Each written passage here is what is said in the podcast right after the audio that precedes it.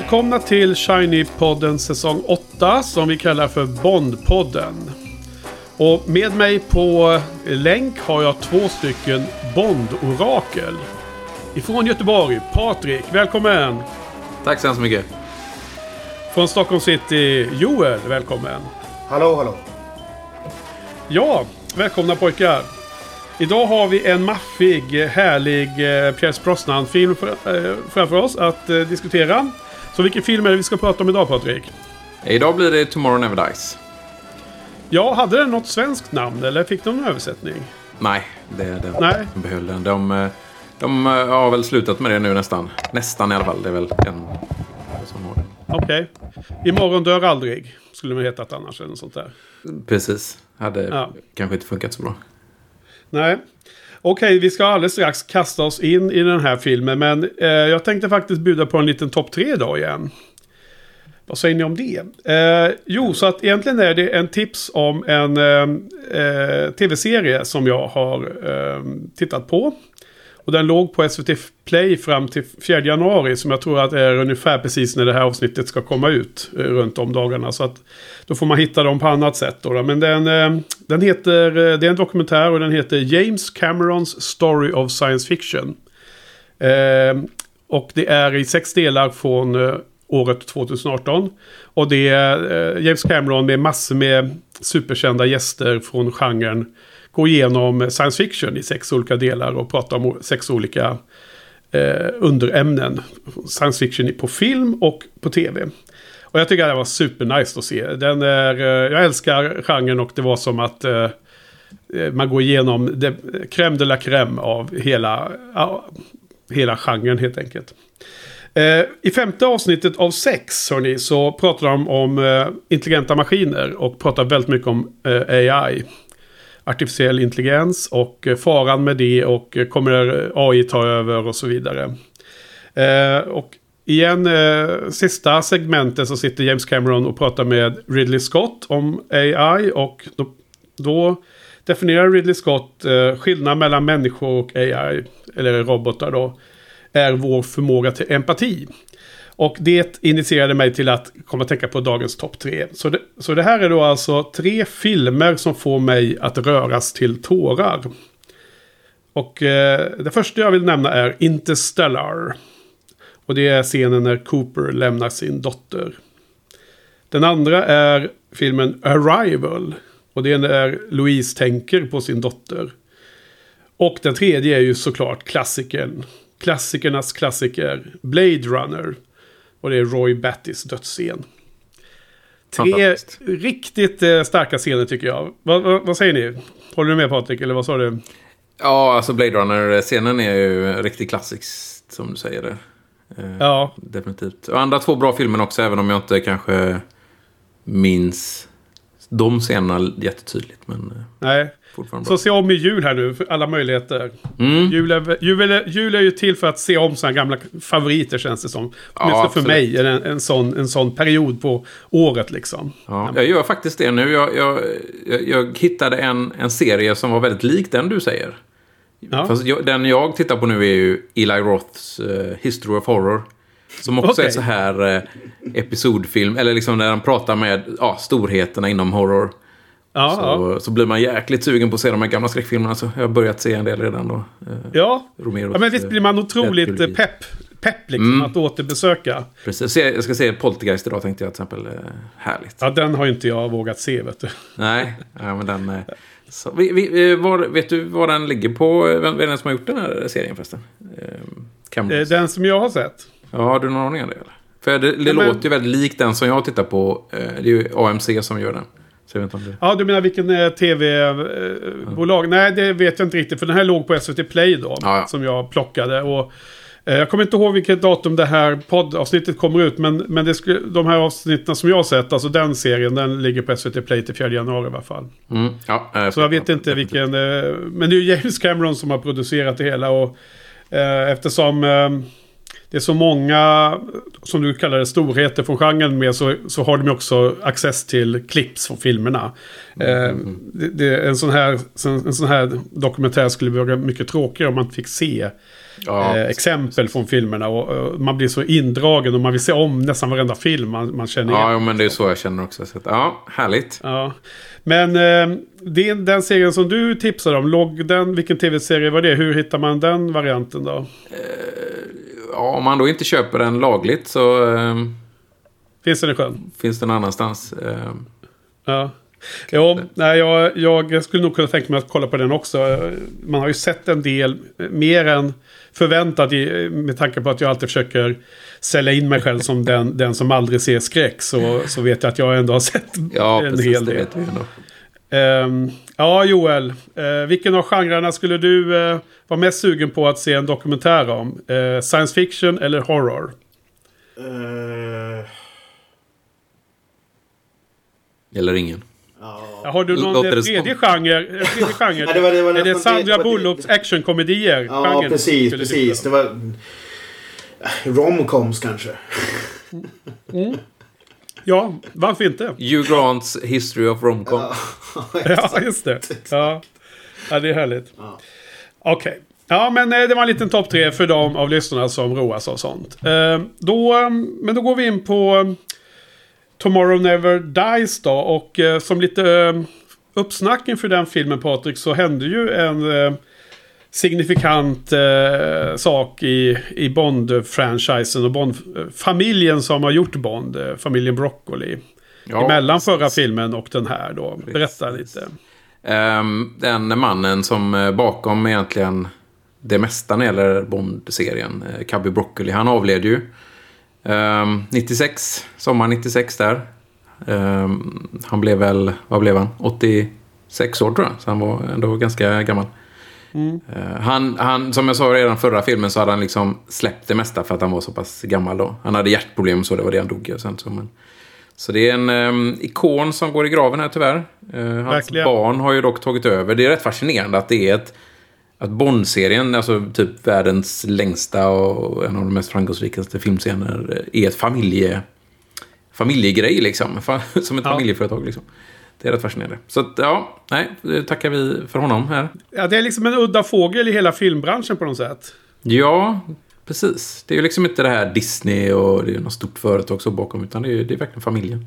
Ja. Och det har vi märkt också att även, även filmteamen försöker de göra att det är fam, som, ett familje, som en familjegrej. Det är ju oftast som återanvänder eh, folk både bakom och framför kameran.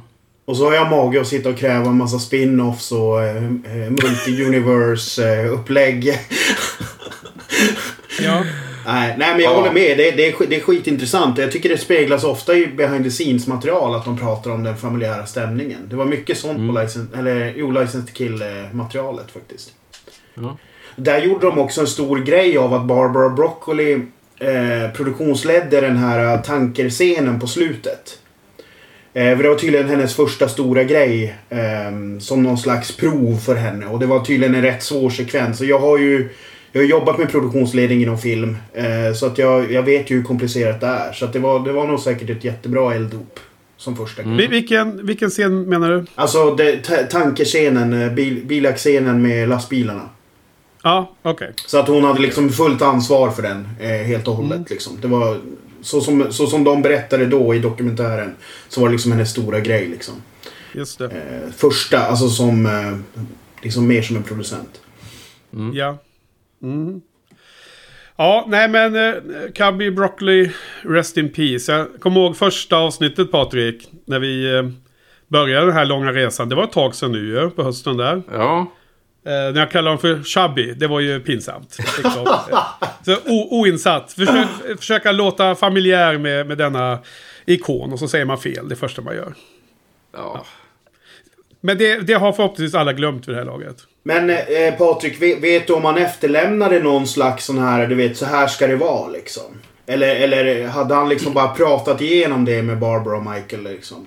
Ja, alltså de, eftersom båda, framförallt Michael då, har ju, har ju jobbat vid det här laget eh, ja, 20 år. I alla fall Michael hade ju jobbat 20 år, så att han var ju införstådd i det. Däremot så fanns det ju ett, en sån, eh, vad heter, ska vi kalla det, Bond-guide liksom. Eh, som, en, som de har egentligen låtit en av, eller alla de här manusförfattarna som har passerat genom åren. Eh, han fick uppdraget att sitta och jag tror till och med han, han gjorde det rätt sent. Jag tror han gjorde det i det här eh, spannet mellan License to Kill och Goldeneye. Han, han liksom, ja, gjorde en sån guide till, eh, om du ska skriva manus, läs igenom den här först liksom.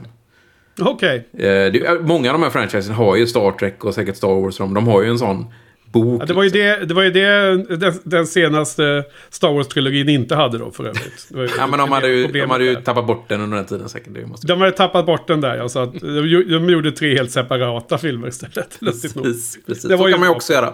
Ja. Okej, men eh, vilket fall som helst, vi ska gå in på dagens film då. då.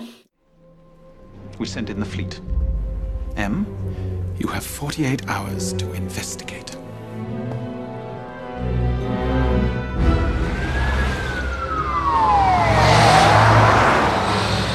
There is one strange thing. When I called our contact in Saigon, he said the Vietnamese only found our sailors three hours ago. How'd they get the paper out so fast? Somebody at Tomorrow knew before the Vietnamese government did. How much do you know about Elliot Carver, 007? Worldwide media baron, able to topple governments with a single broadcast. Carver owns that newspaper Tomorrow. I didn't want to discuss it in front of the minister, but that mysterious signal came from one of Carver's satellites. PM would have my head if he knew you're investigating him. I'm sending you to Hamburg, 007. We've arranged for you to be invited tonight to a party at Carver's Media Center. They're celebrating the launch of a new satellite because now he has the ability to reach every human being on the Earth. Except the Chinese, who've refused broadcast rights. James, your ticket, cover story, and rental car reservation. Sign here, please. I believe you once had a relationship with Carver's wife, Paris. That was a long time ago, Em. Before she was married. I didn't realize it was public knowledge. Queen and country, James. Your job is to find out whether Carver or someone in his organization sent that ship off course and why. Use your relationship with Mrs. Carver if necessary. I doubt if she'll remember me. Remind her. Then pump her for information. You'll just have to decide how much pumping is needed, James. If only that were true of you and I, Moneypenny.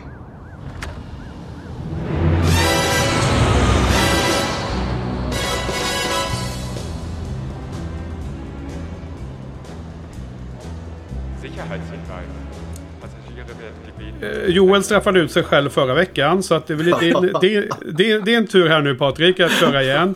Visa var, var skåpet ska stå. Ja, ja, vi får se hur det går.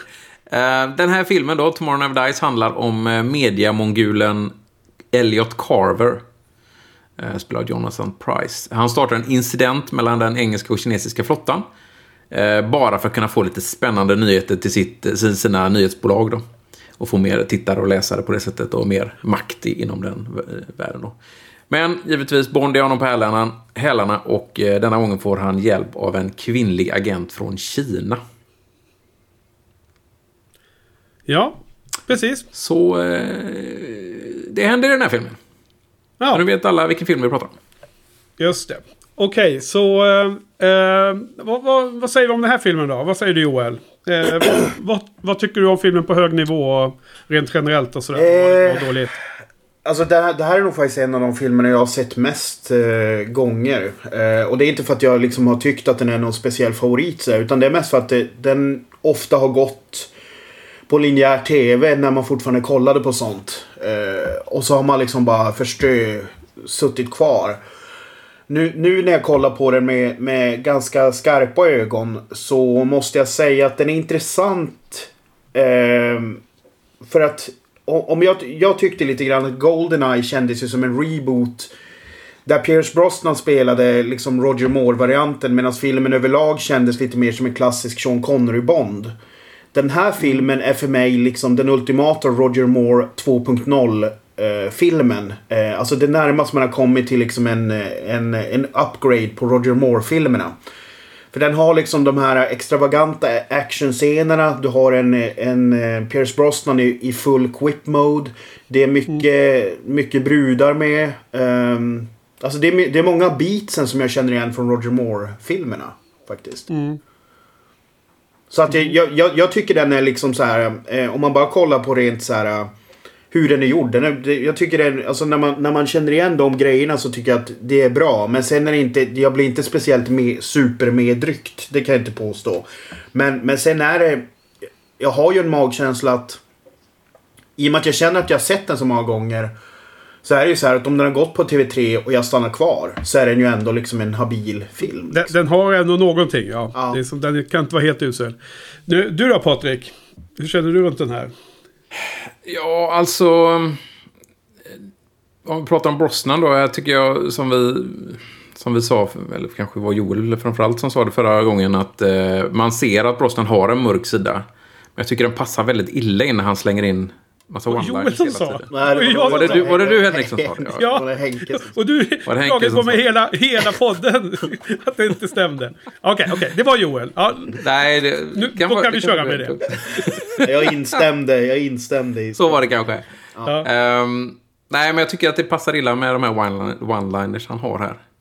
Ehm, men sen, eh, alltså här börjar ju det otyget eh, inom Bondfilmerna som tyvärr fortsätter i princip ännu då.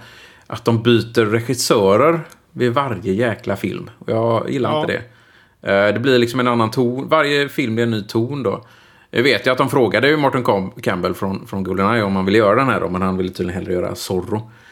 Ehm, men eh, i övrigt så är det ny regissör vid varje film, förutom vid något tillfälle då. Så ja, det- och han kommer väl tillbaks, Campbell? han, ja, precis. Han gör ju nästa reboot också då.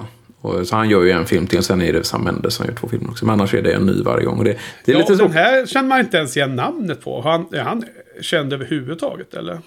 Ja, men han har väl gjort, eh, han har gjort en del smågrejer. Air America har för mig att han har gjort. Och sen så... Jag kommer inte ihåg. Jag kan kolla om du vill. Nej. Men eh, Ja, ja. ja, spelar ingen roll. Skitsamma, jag, jag har inte internetaccess just nu så. Eller datorn på. Nej. Ja, nej, okej. Men eh, det, det, håller jag med om. Det, man- det, blir, eh, det blir lite hackat. eh, Det blir varken hackat eller malet där med olika, olika intryck, olika tonalitet som du är inne på.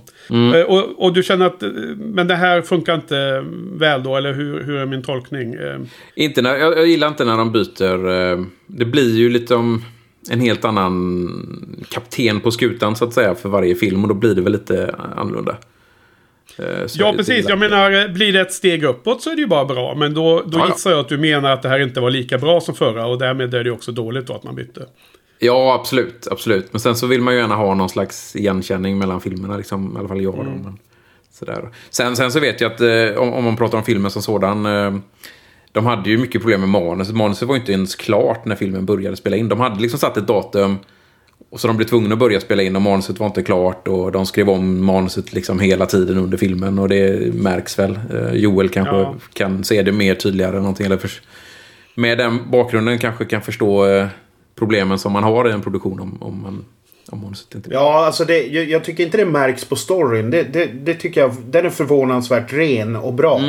Tänk Men- dialogerna men- tror jag skrevs om rätt mycket. För att Ja, okej. skådespelarna Men var väldigt frustrerade. Däremot är det ju extremt kaotiskt att gå in i en filminspelning med ett ofärdigt manus. Det är bland det värsta man kan göra. Eh, så att med, med den vetskapen då tycker jag ändå det här kom ut rätt okej.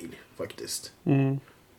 Men jag är, det, Ja. känns som, det känns som att jag är nog den som var, eh, tog emot den här mest positivt. Eh, den, Ja, den, precis. Eh, Jag, jag, jag kan bara redovisa. Alltså jag, jag, jag håller med eh, mestadels det du säger Patrik. Att, att det, det känns lite annorlunda än förra. Absolut tycker jag. Och det, det, det får vi ju det här som vi diskuterade förra veckan. Att Eh, när man gick in i att se om de här filmerna nu för första gången på bra länge så slår man ihop i huvudet alla insatserna från eh, Pierce Brosnan till exempel. Så hur tonen ska vara. Så var man lite överraskad att det var ändå bättre än förväntat i första. Liksom, för att man kanske har minnen kvar från det här andra och speciellt fjärde filmen då i de här fyra. Så, den, eh, så jag, jag satt och tänkte igår att, att jag inte var så road på det sättet att jag skulle låst fast vid filmen om jag såg den på TV3, Joel, faktiskt. Jag hade den motsatta eh, reaktionen. Jag kände lite som att det här var som en... Det, var, det, var, det, var, det kändes som en kopia av en Bondfilm. Så att alla element finns där, men det var inte lika bra gjort liksom. Som man vill förvänta sig i de filmerna som ska hamna på övre halvan. Liksom, de, de, de f- bästa 12 eller whatever från alla olika eror. Alla skådespelare har alltid någon, en känsla av att det här är en bättre filmfilm. Liksom. Bättre gjort i detaljerna. Och det var det jag saknade lite. Jag, det kanske beror på eh, oklart manus och dialogen. Det kanske beror på ett antal skådespelarval som jag inte är helt nöjd med. eh, för att som ni vet, man har ju sina skådespelare man gillar eller inte gillar. Och, och jag har ju stort problem med main villain här då. Han Jonathan Price tycker jag är helt eh, vedervärdig att se på film. Och det är bara liksom, ingen, jag, har, jag har ingen feeling för honom liksom. Och det gäller det mesta han har gjort. Så att det är bara otur liksom. Precis som man kan ha eh, skådisar som man gillar väldigt mycket och, och, vill se det mesta liksom. Bara för att det är den skådisen. Så är det tvärtom för mig. Så jag avbröt dig där Joel. Du ville, skulle utveckla något annat? Eh, den tråden har jag tappat nu. Ja, okej, okay, sorry. eh, Nej, men jag, jag, jag kan bara kom, konfirmera Ja. då det du, det du spekulerade i. Att vi alla liksom tog emot den här ganska negativt. Ja, precis. Men, men, men det, det som jag ändå... Och det, det förstärks lite av vad du säger. Jag, jag tycker ändå så här att för de nu som absolut inte gillar License to Kill och vill ha sin Bond-formula. Då tycker jag ändå att den här är ganska representativ. Även om många av delmomenten kanske är sämre så känns det ju väldigt mycket som en James Bond-film.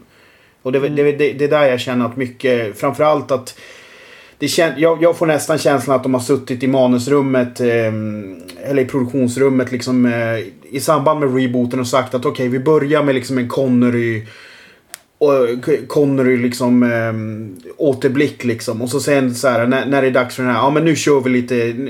Pierce är ju lite som Roger Moore. Så vi kör lite mer Moore liksom. Och, och får med de här uh, naval battles och grejer. Och liksom. Eh. Sen är ju själva storyn är ju i stort sett snodd från Man lever bara två gånger. Eh, det här med att eh, jaga på varandra. Alltså. eh, Är det inte det? när de snor varandras de- raketer typ. Eller? Ja, precis. Ja, de Eh, pristar ju två stormakter mot varandra. Exakt, Eller, precis. I det här fallet en stormakt och en före detta stormakt. Ja, precis. Ja, Nej men för att, eh, för att annars, annars jag, gill, jag gillade också upplägget med Alltså i teorin var det ett jättebra upplägg. Det här med skurken som en mediamagnat som liksom driver på ett krig liksom. Eh, sen... Sen kanske det inte... Han är ju inte, han är ju inte världens mest utvecklade karaktär på, på något sätt. Så att det här får man kanske hoppas på någon sån här, återigen, det, de återanvänder ju oftast grundstories om och om igen eh, i Bond. Så de kanske kan göra den här bättre senare liksom. Om de fortfarande kör den typen av varianter liksom. Men, eh, Film nummer 47 eller något ja, sånt där. exakt. Den blir nog bättre. Ja. Eh, vad, vad tycker du om eh, Carver? Karaktären i, i, eh, i Jonathan Price, main villain, Patrik. Ja, ehm, idén känns väl ändå ganska aktuell. eh, Och även ännu mer aktuell nu skulle jag vilja säga. Eh, Just det här med någon slags eh, media... Ja, Ja, precis. Ehm, eh, Men, men just att median tar över mer och mer makt och allt det här då. I, nästa, I den här Bond 47 då som vi pratade om kanske det är Facebook, någon Facebook, social media som står bakom Am. Amazon slash Facebook slash Google som styr allting. Ska, Eh, så- Skynet. Skynet. Skynet har tagit över. Nej, men så, så där är de väl rätt ute. Sen, eh, som Joel säger, karaktären skulle man kunna putsa lite mer på. Ehm, jag tror Jonathan Price ändå är helt okej, även om jag aldrig gillat honom. Jag har verkligen aldrig gjort det. Men du har inte heller... är- är- han är- Nej. Du har inte heller honom? Vad, kul att höra. Då får man lite vatten på sitt kvarn. Alltså att han spelar i såna här gamla kostymdraman och grejer. Är inte det det han är känd för typ? Ehm, jag har ingen aning. Ja, alltså han har, jag vet inte, han jag tycker han har gjort ganska mycket olika, men ganska nyligen spelade han väl påven va, i någon film. Ja, det var Och väl... var han att- ju Eller, i- ikonisk roll i Game of Thrones i säsong, om var det är 6 och 7 eller 5 och 6 eller vad det är. självklart. Det gillar inte han heller, ska jag måste säga. Nej, nej, men alltså jag tycker aldrig att han är intressant att se. Jag tycker att det, han är svintråkig här. Han har ju också jävligt tråkigt slut. Eh, Bond eh, sätter den där borren på honom liksom. Det är okej, det är lite temat, lite, lite så här. Och cirkla tillbaks till den där hemska maskinen som de, som också känns helt orimlig i hur de använder Ja. den. Åker vänster, uppåt och sådär in Bond, i skeppet. Bondskurkarnas död har väl aldrig riktigt... eh, Nej, men det kan ju vara- det kan vara bättre död har väl aldrig Jo. Nej. Nej, okej, det kanske vi ska vara kan aldrig vara sämre än Leva över. Ja. Eh, vad, sa du, vad sa du Patrik? Det sista där. Man kan aldrig vara sämre. Bondskurkens öde kan aldrig vara sämre än Leva låta dö. Ja, Han blir uppblåst som en ballong där, vet du. Just det, denna. Han flyger upp i taket. Nej, precis. Nej, men precis, för allting är ju relativt tänkte jag då. Även om det inte Ja. brukar vara top of the line. Och som vanligt så är filmen ganska bra första timmen. Liksom, eller en timme och en kvart eller något sånt där. Och sen sitter man och blir mer och mer såsig i huvudet och börjar liksom eh, sp- spe, så snegla mer och mer på mobilen. Där, liksom. Ja, absolut. Man- Men det blir ju sämre när de åker till Asien. Liksom. Där har du ju ganska klart. Fast, fast det- Ja. jag, vet, jag kan ändå uppskatta den lite Beck-filmskänslan. Man behöver inte vara på tårna när man ser den här filmen. Liksom. Det, är så här, det är lite transportsträcka och så är det nyheterna i 20 minuter. Man kan ta en kisspaus och sätta på teet liksom. Ja, det är ju så. Det, det är extremt bra beskrivning. Och jag menar... Och samtidigt är det det man saknar lite. Att man, att man får någon karaktär, om det är villen eller om det är någon medhjälpare, vad den är, som har, har något som man kan tänka på. Liksom. Nå, nå, nå, något som man kan bli intresserad av. Man kan känna nyfikenhet av och, och verkligen vill se lite mer. För att du vill se mer mer av den paletten som finns där. Och jag, menar, jag, jag är övertygad om att vi kommer få det i nästa film nämligen. För det är en av, en av vad jag kommer ihåg från eh, för sju år sedan. Att det var en positiv överraskning då. Den här tredje Pierce Brosnan-filmen. Kanske, ja, så jag kanske bästa av Brosnan. Vi får se. Ja, eh, vad heter det? Nej, men så jag var inte riktigt nöjd med honom. Men sen har vi också då en viktig eh, medhjälpare då med den här kvinnliga kinesiska agenten. Och där, där tänker jag, Joel, att jag skulle gärna vilja höra från dig en jämförelse mellan den karaktären och Pam Bouvier då. då Som är en favorit hos dig och som vi måste hålla upp som... Eh, som vi kan jämföra emot. Hur, hur nära kommer... Vad, vad heter hon här nu då i den här... eh, Ja, heter hon Wei eller Wei- sånt där eller? Wylin. Wiley. vad, vad tycker du om henne jämfört med Pambo? Alltså det, det är ju det. Jag, jag, jag satt ju också naturligtvis medveten om hur mycket jag har gashat över Pam Bouvier. Och så ser Ja. man då på pappret en karaktär som ska vara utav samma statue liksom. Men eh, Ja. det, det är ju inte det. Del, dels är det någonting med skådespelerskan jag inte riktigt connectar med. Men sen är det också det att de samarbetar eh, egentligen inte så mycket. Alltså hon är ju inte en lika stor del utav filmen som eh, Carol Lowell var. Och då känns det inte som en fristående karaktär. Utan här är det ju mer det här eh, eh medhjälparspåret liksom. Att de stöter på varann. Men Bond ju, kör för det mesta solo. Eh, fram till det att de blir ihop eh, hand, eh, handklovade liksom.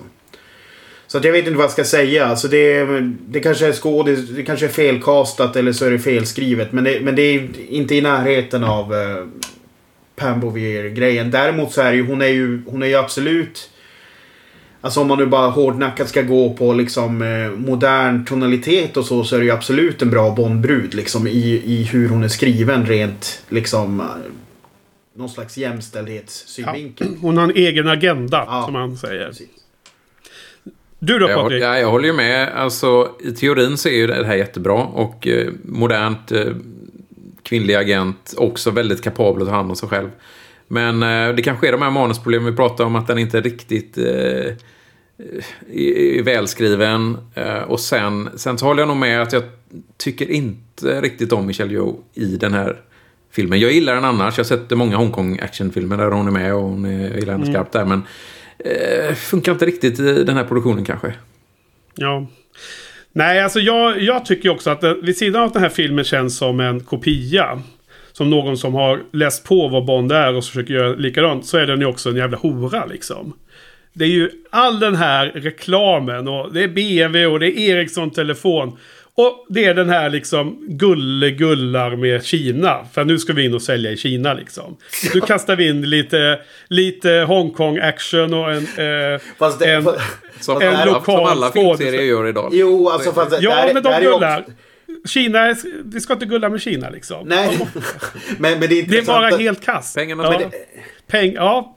Alltså, de- Cashen måste in. Det är det exakt det den här filmen signalerar. Ja. Alltså stör ni inte på alla, alla Jo, produktplaceringar? jo Med- men, men, jävla- men, men du, jag måste ändå få säga där. Det, det visar ju på någon slags sån här entreprenörsanda hos, hos eh, liksom Barbara och Michael. Att liksom vara 15 år före med Kina-hypen. Ja. För nu är det ju, nu är det ju osmakligt jämfört. Och jag menar, här är det ändå hyfsat integrerat. De anpassar ju storyn. Det känns ju inte skohornat som i vissa Transformers-filmer och sådär. Nej. Men, men, men sen, jag håller Men- med. men det- alltså, det ja, här med, med de är- B- de är BMW, tidigare, men det- BMW och Ericsson är ju helt horribelt alltså. Alltså det är ju... Men, det, men det här har vi pratat om innan, liksom, att, eh, vi pratade om det i Moonraker-avsnittet tror jag. Just hur mycket reklam det är i Bond-filmerna. Eh, och jag tycker det är ytterst tydligt i Pierce Brosnan-filmerna, definitivt. Men det har ju varit med i varenda film innan. Ja, Nej, men det är ju snyggare i de det andra hur, filmerna. Hur mycket det Oftast, ut ja. också. Absolut. Ja, nej, jag håller med. Här ser man det väldigt tydligt. eh, Alltså, jag, jag, brukar dra, det finns en, eh, en kultfilm som på svenska heter Blås på 60 sekunder. Det, det, det är alltså originalet till Gone in 60 seconds med Nicolas Cage. Det är en 70-talsfilm. Som är en riktig Ja, sån här okej, kult- originalfilmen, okej. Ja, precis. Hela den filmen är typ en eh, 70 minuter lång biljakt. Den är helt fantastisk. Eh, Okej, horribelt. Ja, och, men, men den, horribelt, den, med. den har det bästa användandet utav produktplacering jag någonsin har sett. Och det fick jag reda på via kommentarspåret. Men grejen är att han står ju då i början av filmen och planerar den här heisten när de ska stjäla 60 bilar. Mm. och, så, och så sen så står han, eh, står han och visar så här på en whiteboard vart alla bilarna är och sådär. De har ett schema som de har gjort. Och då var det, då hörde, då hörde så här typ Snickers av sig. Eller om det var någon, du vet, som bara kände att vi måste ha lite spons och vi hör av oss lite till olika. Och då hörde Snickers av, eller då fick de kontakt med Snickers. Och så sa de så här, ja men du kan få 100 000 om du har med liksom en Snickers bar i bild. Så att när han Okej. står och pekar på whiteboarden så håller han i en Snickers. För att du vet, han ska, han ska liksom ta och äta Ja, den, ja, ja. Liksom. Istället för en pekpinne liksom. ja, exakt. Och det för mig är det bara så här att det är bara totalt briljant. För det var liksom ingenting jag Ja, ja. reagerade på när jag såg filmen. Men sen när jag hörde kommentatorspåret så var det så här, ja men det är ju fantastiskt liksom. Ja, Ja, det går ju att göra det bra, definitivt. Och eh, jag vet, vi pratade om det i den här eh, i Moonraker när vi pratade om eh, reklam att nästa film kommer bli ännu värre och jag för mig att det är nästa film som de eller om det är Die Another Day, där de bara diskar av alla de reklamgrejerna på en scen liksom, så är det gjort. det. så kan man också göra. Ja. Eh, nej men alltså min, min åsikt är ganska, ganska naiv och simpel. Det är liksom att om filmen är bra, då liksom, Ja, då- Även, om man, även om man ser det så då bryr man sig inte lika mycket.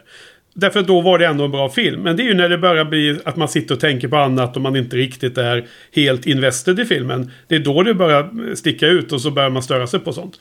Så att det, det är ganska självklar eh, åsikt. Men jag, det, var, det är ändå så jag, jag ser på det. Jag, jag, jag är inte så här maniskt eh, att jag jagar alla produktplaceringar. Så kommer det en bra film som du beskrev där Joel ehm, jag har inte sett den filmen och är inte så himla sugen på. Jag är inte en stor fan av biljakter så det är kanske inte är min genre det där. Men, men gillar man filmen i övrigt så är det klart att då är det bara en, en kul, kul detalj. En krydda liksom. Men i det här fallet så känns det som att det här med BMW-scenen är ju... Den är så himla lång och den är ju så um, one note tycker jag också. Eh, Därför när han kör BMW eh, remote och sitter i baksätet. I garaget, Och det. Mm. Ja, det är liksom... Man har gjort den här grejen att han kan styra den så. Och sen så ska den då kasta in att, att de gör det som... Det är som eh, extra allt på hamburgaren. Att de ska visa alla de här gadgetserna som bilen har. Liksom. Det, det är som att ta Sean Connerys eh, bil och, eh, och bara adderar allt. Nej, men jag håller med om extra allt på, på bilen där, eh, Henrik. Eh, Vad Just han det, än ja. råkar ut för så har han liksom en gadget för det. Det, det är liksom en stålvajer. Då har han Ja, en sån som är precis i rätt höjd. Ja. Och den är inte Ja. stor heller, liksom den här såglingan. Ja, Ja, och den- och- Q är duktig det- alltså, verkligen. Alltså det, det är ju det mest absurda i den bilscenen. Det är ju den stålvajern. Det är inte bara att han råkar ha ett helt anpassat tool för det. Utan det är också att den, den, den såg, sågmekanismen måste ha varit världens bästa såg. Liksom. Mm. Kunna åka i den, i den hastigheten och såga av den vajern liksom. Det var så jävla tjock. Ja. Eh, nej, Det är, bra musik, så- det är bra musik ja. i alla fall under den eh, gången. Och sen eh, kan vi prata om sen, eh, musiken. Men, men jag, jag, jag, det jag stömer mest på på den här biljakten är nog hur respektlös Bond, hur slutet är liksom. Han bara kör en bil rätt ner i en trafikerad gata Ja, massa gående. det, ja. Man bara känner liksom, jaha, alla oskyldiga människor som går där, det, Exakt, det är lugnt liksom. Som får en bil i huvudet bara. Precis. Ja. Jag reagerade, jag Hemskt. exakt som dig där. Det det- kan- ja, Tänk på det vända gång liksom. Ja. Han Men kunde ju stanna men liksom- liksom där uppe. Det är ju lite som att eh, ett tecken på hur vi, hur, hur vi i värsta fall kanske växer ifrån Bond, eh, Patrik. Att börja, börja tänka på collateral damage på det här sättet. Ja, Jo men, kan- jo, men grej, grejen är så här. Jag tror att de gör det ju enbart för att ha det här äh, återlämna hyrbilsskämtet. Ja, liksom. ja, ja. Det, det är exakt, det är ett skämt för publiken. Det är liksom ingenting som är rimligt i... Nej, pre- precis. Men, men återigen, det, när det görs med någon slags fingertoppskänsla. Men nu blir det ju liksom att man har blivit lite skadad i det här. Att det ser ju...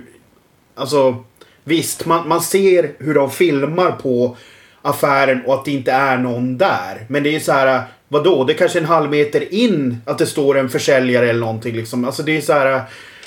Ja, och den kör ju över en hel väg. Ja. Man ser ju folk gå och trafik och allting sånt. Det, det är ju inte säkert att den skulle flyga genom över hela vägen. Liksom. Det beror på hur tjockt det där staketet är där uppe.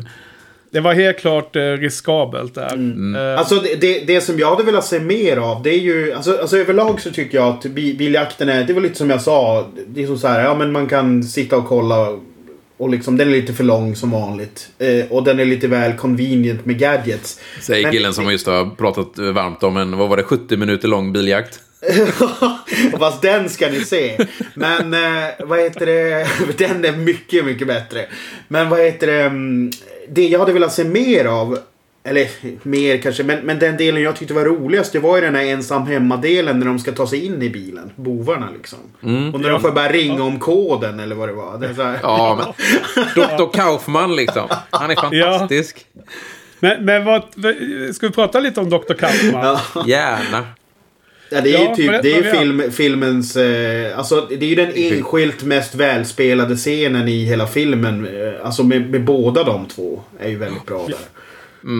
Nej, jag älskar Ja, det är en scen som man kommer ihåg. Så att jag, jag, och och det är nog säkert för att den är bra gjord. Liksom. Det, Mm. som det känns som att den sätter sig väldigt så här, tydligt. Eller hur Patrik? Visst, eh, du, Ja, du har ju det- nämnt honom Ja, redan precis, förra veckan. Precis.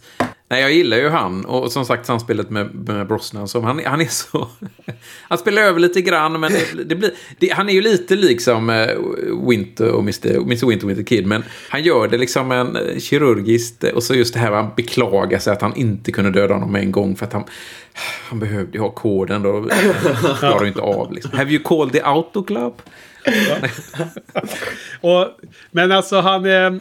Han, han, eh, alltså man får en känsla av hur jäkla galen han är också. Och det är det man gillar av den här typen av Bond-villains, uh, henchmens. Eh, jag tycker han är stört skön. Och, och ett annat tecken på att den där scenen är bra, Joel, som du sa. Det är ju som att jag blir förvånad över hur kort han var med. Jag hade för mig att han var med mycket mer. Liksom. Det var ju som minnet va. Han hade vuxit över de här sju se- senaste åren. Att han var ju med i många scener kände jag. Precis, alltså grejen var jag, jag, blev, jag blev mest chockad nu över att han dog. För jag hade för mig att han faktiskt var, du vet, lite som de använde Jaws i, på 70-talet. Att han bara dyker upp. Och jag hade för mig att han skulle dyka upp i någon mer eh, Pierce Brosnan-film. Ehm, Sure. Vilket jag, ty- jag tycker det hade varit en intressant grej liksom. För att eh, han... Han är så pass bra skådespelare och karaktären är så pass bra skriven. Alltså jag älskar den här dialogen. Alltså att jag skulle kunna skjuta honom från Stuttgart eller vad det är. Alltså, du vet, eh. Ja. Fortfarande ser ut som en självmord. Ja, Ja, och, om, om något så skulle jag egentligen... Jag, jag är lite kluven om, om sättet som Bond bara så här väldigt plötsligt och väldigt kall, kallhjärtat skjuter honom. På, på ett sätt är det väldigt bra. Liksom det, eh, Dialogen är ju bra. Alltså han, han försvarar... Jag var ju bara en professionell liksom. Jag var bara Ja, yrke typ. men det- han, Eh, Men det jag tänker på Patrik är ju att Kaufman liksom lägger ut orden. Han pratar hela tiden. Han gör jättelånga utläggningar. Och Bond gör bara ingen utläggning. Han bara skjuter honom. Så det är ganska bra tycker jag. Men på något sätt skulle jag velat haft eh, en mer utstuderad död för Kaufman som, som hobby har att försöka hålla tortyroffer vid liv så länge som möjligt. Men det kan ju vara så att de inte förstod hur, hur bra det här skulle bli. Ja. Men kan du förstå min, eh, min, min törst för hämnd i någon mening? Att Bond skulle utsätta honom för en mer hemsk död. Att det finns en sån känsla Ja, igen. det kan jag väl förstå. Ja, ja. Absolut. Ja, nej, jag gillar honom starkt och jag tror att han var med faktiskt på, mina, på, på min här topplista i slutet av det här bloggprojektet för sju år sedan. När det var Henchmen så var Dr. Kaufman med faktiskt. Ja, okej. Kul. Eh, Ja, det är kul. Eh, För annars är det ganska lätt att man bara tar 60 70-tals eh, figurer. Ja, som filmen är dålig så är det lätt att bara skita i alla karaktärer. Ja, ja. Som i detta fallet. Ja. ehm, nu, nu hade jag en annan tan- tanke att ta vidare om vi var klara med Kaufman för nu. Så jag ska ta det innan jag glömmer av det. Och det är ju nämligen att eh, den här med gadgets då på bilen så har vi ju... Vi har ju dels Q i en liten roll. Han är ute på fältet igen. Och man ser att han börjar bli riktigt gammal nu ju. 83 år är han nu. Var han det? Ja, ja, ja. ja men man ser, han ser ganska fragil ut. Men sen har vi en väldigt kul spegling av Q med hennes eh, manicker, hennes gadgets i, i, Tha- i Thailand. Mm. Eh, kinesiska, vad heter hon nu? Wei Ling, eller vad heter hon nu då? Violin. Ja. Och jag, jag, jag tycker det är en rolig eh, spegling. Och jag tycker nästan att det var roligare när de var där. När Bond tar på det där eh, drakhuvudet. Ja, där gör, han det, där gör han det hur bra som helst. eh, Brosnan. Ja. Hoppa till liksom. Ja, för, för, för visst, jag menar, vad tycker du om den så att säga, alternativa Q-scenen där då? Med allt det där. Det är ju en spegling. Är det over, over the top eller?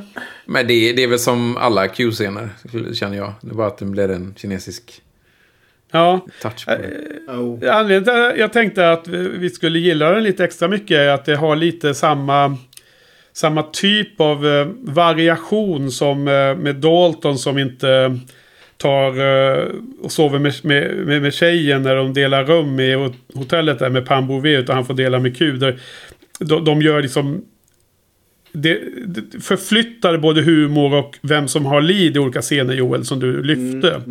I eh, License to Kill. Medan eh, här så förflyttar man också då fokusen från Q som bara är med en kort scen. Och sen så är det liksom mer grejer i en annan scen. Jo, ja, absolut. Det är väl som du beskriver det så håller jag med dig. Att, men det är väl inte lika väl utfört i slutändan. Nej. För, för mig blir det här bara som, ja det är en transportscen. Eh, liksom. Mm. Eh, Ja. Fyller inte jättestort syfte. Så, så som det faktiskt blir i filmen egentligen. Nej, okej. Nej, jag, jag la märke till den. Det var som att jag vaknade till lite och tyckte för att just när han eh, rör vid huvudet och det blir eld där. Det, det, jag tycker den är så himla rolig. så att det är ja, liksom det- nästan jo, så. precis. eh, En av de få så här, eh, riktigt lyckade eh, scenerna i hela filmen då. Eh, Men, men syftet är, det, det, är ja. ändå, det är ändå ett litet syfte där. Att, att dels Ja. så finns de, eh, finns det, de får tillfälle att skicka en rapport till sina regeringar. Och Ja. eh, samla på sig lite nya vapen för nästa... Jo, jo, nästa jo absolut. Absolut, det har ju, det har ju något i handlingen att göra. Det, det håller Mm. jag med om. Men eh, det är lite som att det är lite för få sådana scener som sticker ut för att det ska kännas som en helgjuten film. Mer, mer Ja. inte handlingsmässigt utan mer genomförandemässigt tror jag. Ja. Eh, men en annan sak som vi svepte över lite snabbt. Det var ju det här med eh, Hongkong action och så. Jag menar. Mm. Jag tror du är mer bevandrad i det Patrik och kanske du också Joel. Men vad tycker du om de fight-scenerna när hon visar sig på styva linan och det, de ska ha så här fighting med sparkar och sånt. Ja, alltså den scenen i eh, så att säga, kinesiska Qs håla där. Den, den är ju, Det ser man att den är skriven bara för att de fick henne som, som eh, Ja, ja. skådespelare. Och, nej, men det, det känns väl ändå som en normal Hongkong action-scen. Liksom. Ja, okej. Ehm, och där gör de ju bra ifrån sig och det, där är de ju van i det vattnet. Liksom. Absolut. Ja, funkar för mig. Definitivt.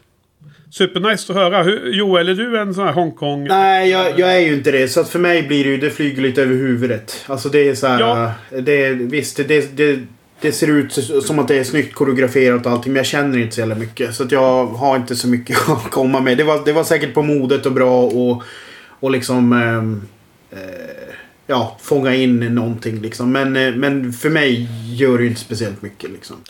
Ja. Nej men alltså då om det här är normalbra så go- good riddance. Då kommer jag ju inte börja se på den genren kan jag säga. För det är ju så jävla svintråkig scen liksom.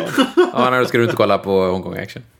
Nej, ja, men jag har ju sett sådana här, du vet, Crouching Tiger, Hidden Dragon eller vad de heter. De, Ja, då är det är ju lite, lite- mer, det är är artistiskt, är på en ja. annan nivå liksom. Och, och hon är ju med där med. Som, Ja, hon är ju med där med. Det, det var där man... nej, utan jag tänker mer på eh, Jackie Chan-filmer och, Ja. och sådana här saker. Det är ju klassiskt eh, rätt av där.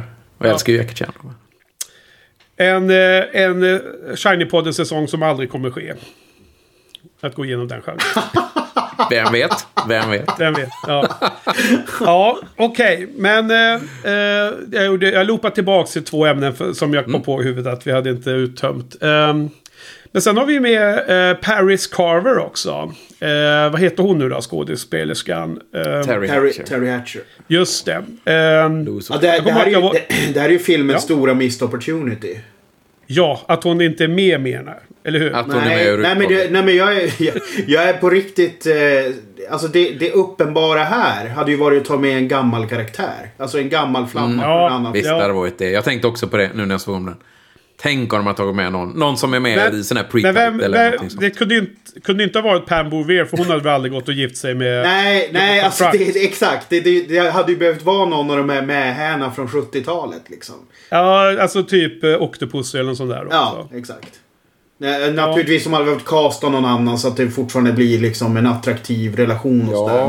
Men, men... Ja, jag vet, inte, jag vet inte vem, men jag bara satt och kände så här: okej, varför i helvete gjorde ni inte det? Men återigen, nu är man ju färgad av det här MCU och allt det här att man ska grena allting och liksom... Eh, eh, men det känns ju som att ba- bara, bara som en skön vinkning. Det behöver ju bara vara att karaktärerna har samma namn och att de ser, kanske se, har samma hårfärg liksom. Så blir det så här, ja men kul vinkning liksom på något sätt. Ja, det hade varit Jag hade inte behövt göra en stor grej liksom. Ja. Ehm, alltså Patrik, du gillar inte den karaktären alls eller? Ja, alltså karaktären har jag egentligen inga problem med, men, men Terry Hatcher är ju katastrof. Det är fruktansvärt Tycker du? Tycker du? Ja, alltså man blir bara glad när hon dör. Ja, men va, va, nu måste du utveckla det lite för jag, jag tycker helt tvärtom. Då, Alltså, det är ju, hon är jätteträ, hon har ingen, ingen, ingen kemi med Brosnan överhuvudtaget. Eh, Hon, hon, hon pratar styltigt liksom. Hon, hon kan inte liksom få ut eh, orden ordentligt. Alltså, nej, det är så jävla dåligt. Jaha, nej, jag är helt Bort förvånad. Jag, jag ser inte detta. Joel, eh, ge, ge oss ditt, eh, din avgörande... Nej, alltså det, alltså grejen är väl så här. Visst är, det, visst är det här före Desperate Housewives va? Ja, jag tror det. Ja, det är det. Det här är ju Ja, precis... jag kan bara säga då innan det- Joel... Det är ju det som är det galna. Att Lewis and Clark var så jävla stora så att man liksom tar in henne i en Bond-film. Det känns ju helt skruvat. Men den, den var stor den se- serien. Den var Ja, men det var ju precis det jag skulle kommentera Joel. Att det var ju där jag hade sett henne tidigare. Ja. Och ty tyckte att hon eh, eh, var bra. Jag gillar henne liksom jättemycket. Nu har inte jag sett Desperate Housewives som hon är ju mest känd för nu. väl Men va? Clark tror jag hon var bra i. Det, det kan jag Ja, alltså jag, jag kommer att jag, jag tyckte den serien var så himla bra så jag till och med köpte på, på DVD-box som jag då i och för sig inte har sett i efterhand. För jag, jag tänkte jag skulle vilja se, se säsongerna lite mer. Men det har ju aldrig hänt för det bara står där och, och samlar damm. Men, men jag gillar och, och tyckte att det var jättekul att hon skulle vara med i nästa Bond-film. Och sen så var hon med men så dog hon med en gång. Så för mig var det en känsla av att jaha, hon- bara fladdrade förbi, sen var det inget mer. Alltså hon fick ju inte heller något djup liksom känns som. Jag, jag har inte ens brytt mig om att utvärdera om hon levererar eh, sin, sina lines eh, bra nog. Och, men, men personkemimässigt så tycker jag hon passar lika bra med, med Prosnan som, som det var i förra filmen. Och, och så. Jag, men jag vet inte. Ehm, alltså jag, jag satt och tänkte lite på att hon påminner lite med, till eh, utseendet och lite sån här aura som René Russo. Eh, där Pierce Brosnan spelar mot i The, The Thomas Crown Affair som är min och den store Frans favoritfilm från 99. Och då satt jag och tänkte på att, att eh, The Thomas Crown Affair är så mycket bättre. Så d- Där, där, där får du rätt Patrik. Men, och jag så tänkt att de har lite samma typ av... eh, de, de, de påminner varandra, inte, inte, inte så som tvillingar på något sätt. Men det är liksom ändå ungefär samma style de har liksom. Och eh, eh, där, där, får, där blir hon slagen på fingrarna av René Russo ganska, alltså väldigt mycket. Men jag var ändå besviken att hon var med så lite när man ändå tog med ett, ett, ett namn som var så pass känt. Det var så jag Ja, kände lite. det. alltså grejen är att det, det, det, det känns, känns lite för att återkoppla till det som du tog upp med de här eh, sponsgrejerna. Alltså det är ju lite som att man bara så här, okej, hon, hon, har- hon, hon kan vara med i tre dagar liksom. Hur, hur, hur, hur gör vi en roll som passar för henne för att hon är så pass stor? Alltså det känns nästan... Så kanske det var. Ja, för jag, för jag håller ju med om att hon sticker ju ut på det sättet att hon är så, så otroligt etablerad via de två andra karaktärerna hon har spelat. Så att det blir liksom svårt. Jag rycks ur. Alltså på ett sätt som jag... mm, Alltså blir, det blir lite problematiskt. Och så, så för mig sticker delarna ut med... Sen, sen är det ju så här när hon ligger där död. Det är ju jättehemskt och allting så. Men det är ju inte... det hade ju kunnat, det, rollen hade ju kunnat spelas som någon som var mycket mindre känd. Liksom. Jo, absolut. Jo. Och jag, jag, jag minns när jag såg den på bio första gången att jag blev förvånad när hon dog. Eh, Just för att hon var ju, hon var ju precis eh, fresh out of uh, and Clark. Liksom. Och eh, rätt känd. Ja, och eh, hon har liksom lite samma typ av... Ja, men jag tycker ändå att hon är ganska tung att vara med i den här filmen. Alltså, för mig är det positivt, och, och, men synd att hon är så lite. Och nästa film så har de ett annat namn som också är Sofie Marceau, som också är ett stort namn. Där får hon åtminstone göra en hel del och vara med i hela filmen. Eh, senare i Bond så finns ett annat stort namn som också missbrukas. Och det grövsta, och det är ju Monica Bellucci. Eller vad hon Jag, jag, jag, jag trodde du skulle säga Halle. Berry. Nej, nej, Ja, fast hon är med alla hela fall. filmen. Hon är ju med i hela filmen. Men jag menar Monica Bellucci som bara... Som är superbra som jag kommer ihåg det. Nu får vi se den här filmen igen. Vilken är det Patrik? Är det den senaste eller? Nej, det är väl Spectre om jag minns rätt. Hon var faktiskt tilltänkt Ja. till, eh, till just Paris Carver med Monica Men vad Bellucci. fasen Spectre är ju den senaste. Ja, eh, ja, den nya har ju inte kommit ut ännu, så ja, visst. Det, det är ju lite sådär, vi är ju lite i limbo Då får där. vi ändå ge... Då får vi ändå ge... Då får vi ändå eh, vika oss och, och ge, ge, ge det till Henke. Att, Ja, att absolut. Men, men det är roligt för Mon- Mon- Monica Bellucci var faktiskt tilltänkt till eh, rollen som Paris Carver. Men Okej. eh, de amerikanska filmbolaget sa att de ville ha en amerikan istället och då tog de Terry Hatcher. Jaha. Ja, Okej, ja. ja och, och båda de här eh, tycker jag är kul att de är med. Men båda är, är alltid besviken när de försvinner så snabbt. Tycker jag. Men vi, vi kommer till det. Det blir lite svårt tycker jag ibland när de har eh, ja, eh, lite stora skådisar som gör att man kommer ur filmen lite grann för man känner igen dem. Och det gäller ju alla filmer liksom. När det är en sån här... Ja, riktigt och det, stor- det är ju ett tecken på att det, det, karaktären inte sätts tillräckligt väl för att man ska Ja. få den känslan. Så det är ju ett Det negativt stämmer. tecken. Och, och, men jag, jag, nu är- när ni eh, lyfter det att det är klart att de bara fick tre dagar eller sånt där. Hon bara skulle vara med i x antal scener. Det blir Om det väldigt nu var så. att Men jag tror men det- nästan det. Det, det känns... Man, det känns att Mm. det måste... Alltså nu känns det väldigt tydligt att det är klart att det är så det har varit. Liksom. Ja, antagligen. Det kan ju till och med ha varit mellan eh, säsongsuppehållet eh, där i Lewis och Clark. Ja, jag vet. Eh, så kan det mycket väl vara. Mm, har har det. timelinen för den, för den Nej, för den, jag, jag kollade på det. Jag tror att sista säsongen gick 97. Eh, och då tänker man att den här kanske filmen spelas in eh, ja, början av 97 och så... Ja, jag vet inte. Ja. Men det är väl ja, någonting vi, jag- vi har nog glömt att säga det, men den här kom ju ut 97, eller hur Patrik? Ja, precis. December 97. Ja. Ja, två år efter förra. Men eh, hon dör ju dessutom off-screen. Så jag liksom tycker att det är en miss, miss, eh, missed opportunity i mina ögon. Jag hade gärna sett mer av henne faktiskt. Att hon har fått en större del. Fast det blir ju, det blir ju mer... ehm, eh, det blir en större in, impact när Bond hör nyheterna om att hon dött. Liksom, att hon hör, han hör det via nyheterna då på... Ja, absolut. och- det, det, det, det köper jag. Det finns en poäng där när han går in i sitt, sov, i sitt eh, hotellrum. Och det, tvn står på. Absolut då, men... Eh, ja, man, man kan se på båda sätt då. då. Man, Ja, absolut. Man skulle kunna se bara Dr. Kaufman komma in och, upp, och, och, och hon ser honom och sen slutar den scenen. Absolut, man skulle säkert kunna gjort något eh, bättre. där. Ja. Så är det väl mycket i den här Eh. filmen man kunde ha gjort det bättre. Jo men Ja, alltså det, det är ju det som är det problematiska och varför jag tror att de bara hade henne tillgängligt en viss tid. Det är ju för att det, det är inte särskilt... Det känns ju lite sko... Alltså hon... Hon känns ju lite skohornad in också. Eftersom man vill, vill spela på namnet men samtidigt inte kan använda det fullt ut. För det normala hade ju varit om hon hade varit Bondbrud hela filmen i sådana fall. Ja, Eh, när det är ett Ja, du menar att stort man, namn. man vill dra nytta av skådespelarens Ja, namn? till, ja, till, till varje pris liksom. Ja. Eh, på något sätt. Jo. Eh, och Patrik, fråga till dig då.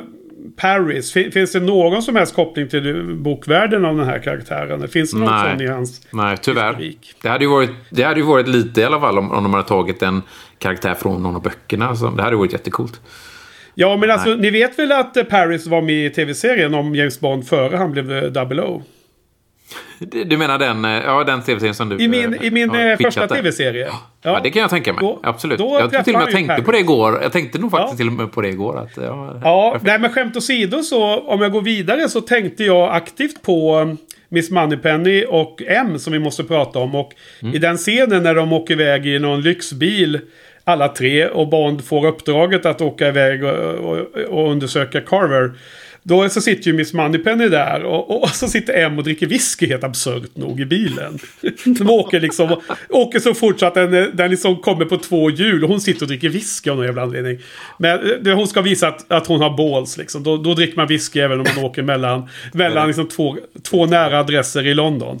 Eh, men då, då är det också en eh, personkemi där mellan Bond och Miss Moneypenny som jag, jag tycker passar perfekt efter man har sett min tv-serie om Miss Moneypenny. Där- Man, man förstår precis vad deras, deras historik och deras eh, person, alltså relation är som gör att den dialogen funkar perfekt för mig igår. Jag Jag har inte och hunnit, jag har inte hunnit se den tv-serien ännu, men jag får eh, lägga den på listan. Nej, men vi, vi, har ju, vi har ju Imagine, vi har ju fantiserat ihop den här nu. Ja, du har gjort det nu när man ser, när man Ja, ser, ja, ja, ja, men ni jag har kommit- ni har ju köpt in på detta. Jag köper in Ni på har det köpt definitivt. in. Ja. Jag har inte hunnit tänka Och- på detaljerna på.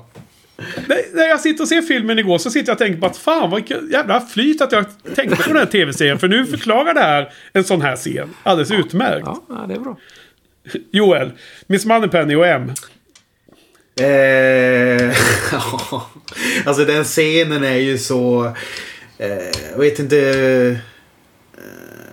Den, är, ju- den är ju lite kaotisk liksom. Och så, sen, sen när de börjar med de här sexuella anspelningarna på honom och liksom att han ska pumpa, pumpa sitt gamla ex på information. Och, Och, och det är till och med M som säger det. ja. Jag hade, hade det slutat vid M så hade det hade varit okej tror jag. Men sen så ska ju Miss Moneypenny dra det ett steg längre liksom. Hur mycket pumpning då? Det hade funkat innan. Men, men det, jag gillar ändå lite en del, det i den scenen att det känns som kvinnorna är de som har övertaget i den scenen. ja, precis. Han sitter där och bara tar emot liksom. Ja, jo. Det, jo precis. Alltså grej, grejen är, det, det jag inser nu är ju att det, det känns som att... Undrar om inte Pierce Brosnan, alltså utan, har liksom ingen vetenskaplig förankring eller någonting. Men det känns som att undrar om inte han är den som liksom har mest screen time där han liksom har sex eller kysser med kvinnor och så utav typ alla. För det är ju väldigt mycket i hans filmer. Som är liksom att han eh, belägrar kvinnor. Är det inte så? Kanske. Ingen aning. Det är intressant. Det är, undrar om man kan googla på det. Har ingen aning. Eh, ja, ehm, jag vet faktiskt inte.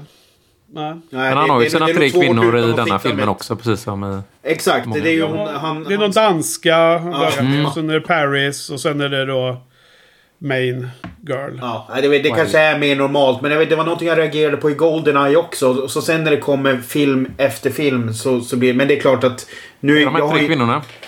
precis, jag har inte sett eh, Bond och Connery-filmerna lika eh, nyligt som ni har. Så att det, det är säkert normalt. Men jag bara reagerade för att eh, på ett sätt så tyckte jag att den där scenen i, i bilen Spontant nu när vi pratar om den så tycker jag att den hade varit, kanske varit intressant att se Dalton i. För att Dalton är ju, är ju den Bond, eller den skådis som har kunnat spela Bond mest sårbar. Det hade varit intressant att se hur han hade liksom tagit den typen av eh, Ja, påhopp ja. eller vad man ska säga. Ja, mycket intressant och, och, och bra uttryckt är att han, han spelar barn mer sårbart. Och därav att, eh, att vi kanske, ni, ni framförallt hyllar honom väldigt mycket Ja. och jag börjar in, inse den, den, eh, den saken allt mer efter våra eh, poddningar om hans filmer. Men frågan är också om inte hans eh, närvaro, energi och påverkan av manus då hade gjort att den här scenen inte fanns istället. ja, nej, det är möjligt. Så kan det vara. Ja. Ehm, ja, men M är ju med där i början i hela den här prologen som jag då tycker är väl okej. men den är ju så otroligt mycket svagare än Golden Eyes. Så att det gör ju att man blir lite så här, det är lite en letdown. Mm, det, det, man kommer in i det och förväntar sig, nu ska de övertrumfa sig själva. Men igen den här känslan av att det är liksom några glada amatörer som försöker göra en så, så, så coolt som det kan vara i Bond. Men, och, där, och där tycker jag att de... eh, Jag tycker inte M är så himla bra just där. i- den här filmen så tycker jag M tappar lite jämfört med hon var i förra filmen, tyvärr. Eh, och hon, hon ska, hon, de, de, de spelar upp någon slags intern kon, ehm, konflikt mellan MI6 och militären som jag, jag tycker känns lite så här krystad om jag ska vara ärlig. Eh, och hon ska säga så här coola saker om, om her guy och så här. Och liksom, eh, hon har rätt och eh, militären har helt fel och det där. De liksom väljer en skådespelare för den här amiralen som ska vara liksom så, så fånig som möjligt. Alltså, jag, jag tycker det blir ganska så här svagt genomfört. Ja, Tycker ni? ja alltså jag tycker hon är fortfarande klass. Det märks att hon, hon har det. Men jag vet också att hon var extremt frustrerad just att de bytte... Att hon fick eh, nya repliker varje dag typ. Eh, Och hon är ju teaterskådespelare. Hon, hennes repliker när hon jobbar vanligt fall ändras ju liksom inte. De skrevs för 200 år sedan och så kör man liksom. Ja, Eh, Så hon var tydligen väldigt eh, frustrerad över det. Så att, eh, det, det syns tycker jag på, på hennes performance. Så att säga. Ja, och M är väl verkligen någon som får mycket mer utrymme i nästa film. Som jag verkligen ser Mm. fram emot att, att revisit. För att ja, hon är ju en favorit i Bond-serien nu när Judi Dench spelar M. Men, Men- men här det- var jag besviken. Ja, men alltså det som, är, det som blir... Alltså som nog kanske är en av filmens absolut svagaste grejer. Det är ju hela den här äh, korsklippningen till, äh, till, äh, till liksom det brittiska war roomet i sluttampen också. Alltså det, det är så här, ja det finns med men varför egentligen? Alltså det är så här, det är ju totalt ointressant. Alltså jag, jag fattar hela uppbyggnaden och att det ska vara speciellt och sådär men jag vet det måste kunna skildras på ett bättre sätt liksom. Eh, för det blir så här, när, när de klipper till det så blir det så bara, ja okej. Nu kan jag typ eh, släppa koncentrationen för det här händer, det här är totalt ointressant liksom. Precis. Ja. Ja. Precis. Ja. Eh, mm. Ja. Ja. Nej men, eh, nej men M är fasen bra. Men, men det kan nog förklara en del Patrik om hon... Eller det kan nog förklara en del också att om manus är så pass vingligt att de hela tiden måste skriva om det så är det ju också stor risk att det inte blir det bästa möjliga manus såklart. Nej, och, och det som Joel nu tog upp med klippningen då. ehm, De hade ju också extremt lite tid att, att klippa ihop filmen. Allting var ju liksom, de hade ju ett deadline. De hade ett biografdatum liksom. Och, Det, är lite som Gold, Goldfinger då. Ja, de hade väldigt mycket sånt eh, på 60-talet där med. Det är helt rätt ja. Ja. Ehm, ja, och för att om det är så att man gör en ny revision på dialogen som är nummer 17. Och så spelar man in den för att det var då den dagen var när man skulle spela in den scenen. Så kanske det egentligen är att det bra manuset var ju revision nummer 24 liksom egentligen. Jo, precis. Eh, Det bara råkar bli den senaste versionen innan man var tvungen att bara sätta ner foten och spela, spela in. Ja, det, det låter jobbigt om, som skådespelare. Ja, ja eh, har vi... Eh, vi har, har vi några fler karaktärer? Vi har den här tysken också. Stumper. Stampa. Stampa. Ja, Ja, jag älskar han, honom. han, är, han är lite härlig ändå. Va? Götz Otto. Ehm, Ja. Välkänd från Iron Sky. Favoritfilmen.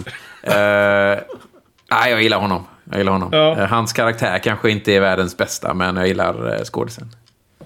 Ja, men det är som en blandning av en eh, sån vanlig Bond-henchman och någon från det här gänget som i Die Hard då, som intar den här skyskrapan. De där tyskarna. Skulle Mm. han kunna passat in också va? Jo, Eller- absolut. absolut. Ja. Eh, vad tycker du om hans eh, sista scen då? Med, när, han, Ah. när Bond... Den är väl lite fånig. Tycker jag. Den uh, ger jag inte mycket för. Ja, alltså jag tycker att det är lite spännande det här med att han, han fa- fastnar med foten då. Bond gör så att han fastnar med foten och han får stå där och vänta på in, ignition. Jag tycker det var ganska bra ändå. Jag gillar den. Alltså jag gillar ju att han, att han står där med en kniv i, i bröstkorgen och, och Bond använder av den för att komma loss. Den, köper jag. Men, men jag fattar inte riktigt det här med att han lossar på raketen på något jävla vänster och så står han där och sitter fast. Nej, det känns... eh, nej. Nej, säger jag. Nej. Nej, nej. Du då Joel, vad tycker du om Stamper? Nej, jag vet inte. Det, är- det är ju det är som att de inte de vågar inte riktigt löpa linan ut. Alltså de vill ju ha liksom någon... Eh, men det, det hade väl med 90-talet att göra också. Att man vill inte ha de här som, eh, som hade liksom proteser och liksom high-tänder och grejer. Utan det liksom, de försökte göra det mer realistiskt. Men det blir ju liksom, för mig blir det ju lite vanilj av det liksom. Men det, det, tänk om de hade tagit det på ett steg till. Visa hur brutal han var liksom. På, som de kanske skulle kunna ha gjort. det- Jag vet inte om de skulle kunna ha gjort det idag. Men ja, det I, varit nice. i, du menar i Daniels filmer? Ja, alltså jag tänker ju dels... Eh, blod, alltså rent brutalt. Att han varit ännu mer brutal. Men även liksom... Fast, fast känns inte den här väldigt PG-13 på många sätt? Ja, det är mycket, precis. mycket så off-screen och... Alltså, Precis. så att jag vet inte. Ja. Precis. Jag skulle bara så här. Så, nu tar vi in Eli Roth som får göra de, några scener. Så vi liksom jackar upp det lite. Ja, vad härligt. Lite torture på. Ja. Härligt. Ja, okej. ja. Vad heter det? Okej. Men... eh, ja. Vad har vi på musiken då? Eh, jag kan säga själv att eh, titellåten tycker jag är ganska svag. Det måste vara i allra högsta grad under halvan om inte under tredjedelen. Ja. Om inte under fjärdedelen. Ja. Alltså hur? jag, jag, jag, jag uttalade ju mig tidigare om att jag tyckte att de nya Bond-låtarna inte var så bra. Det var ju typ den här jag refererade till.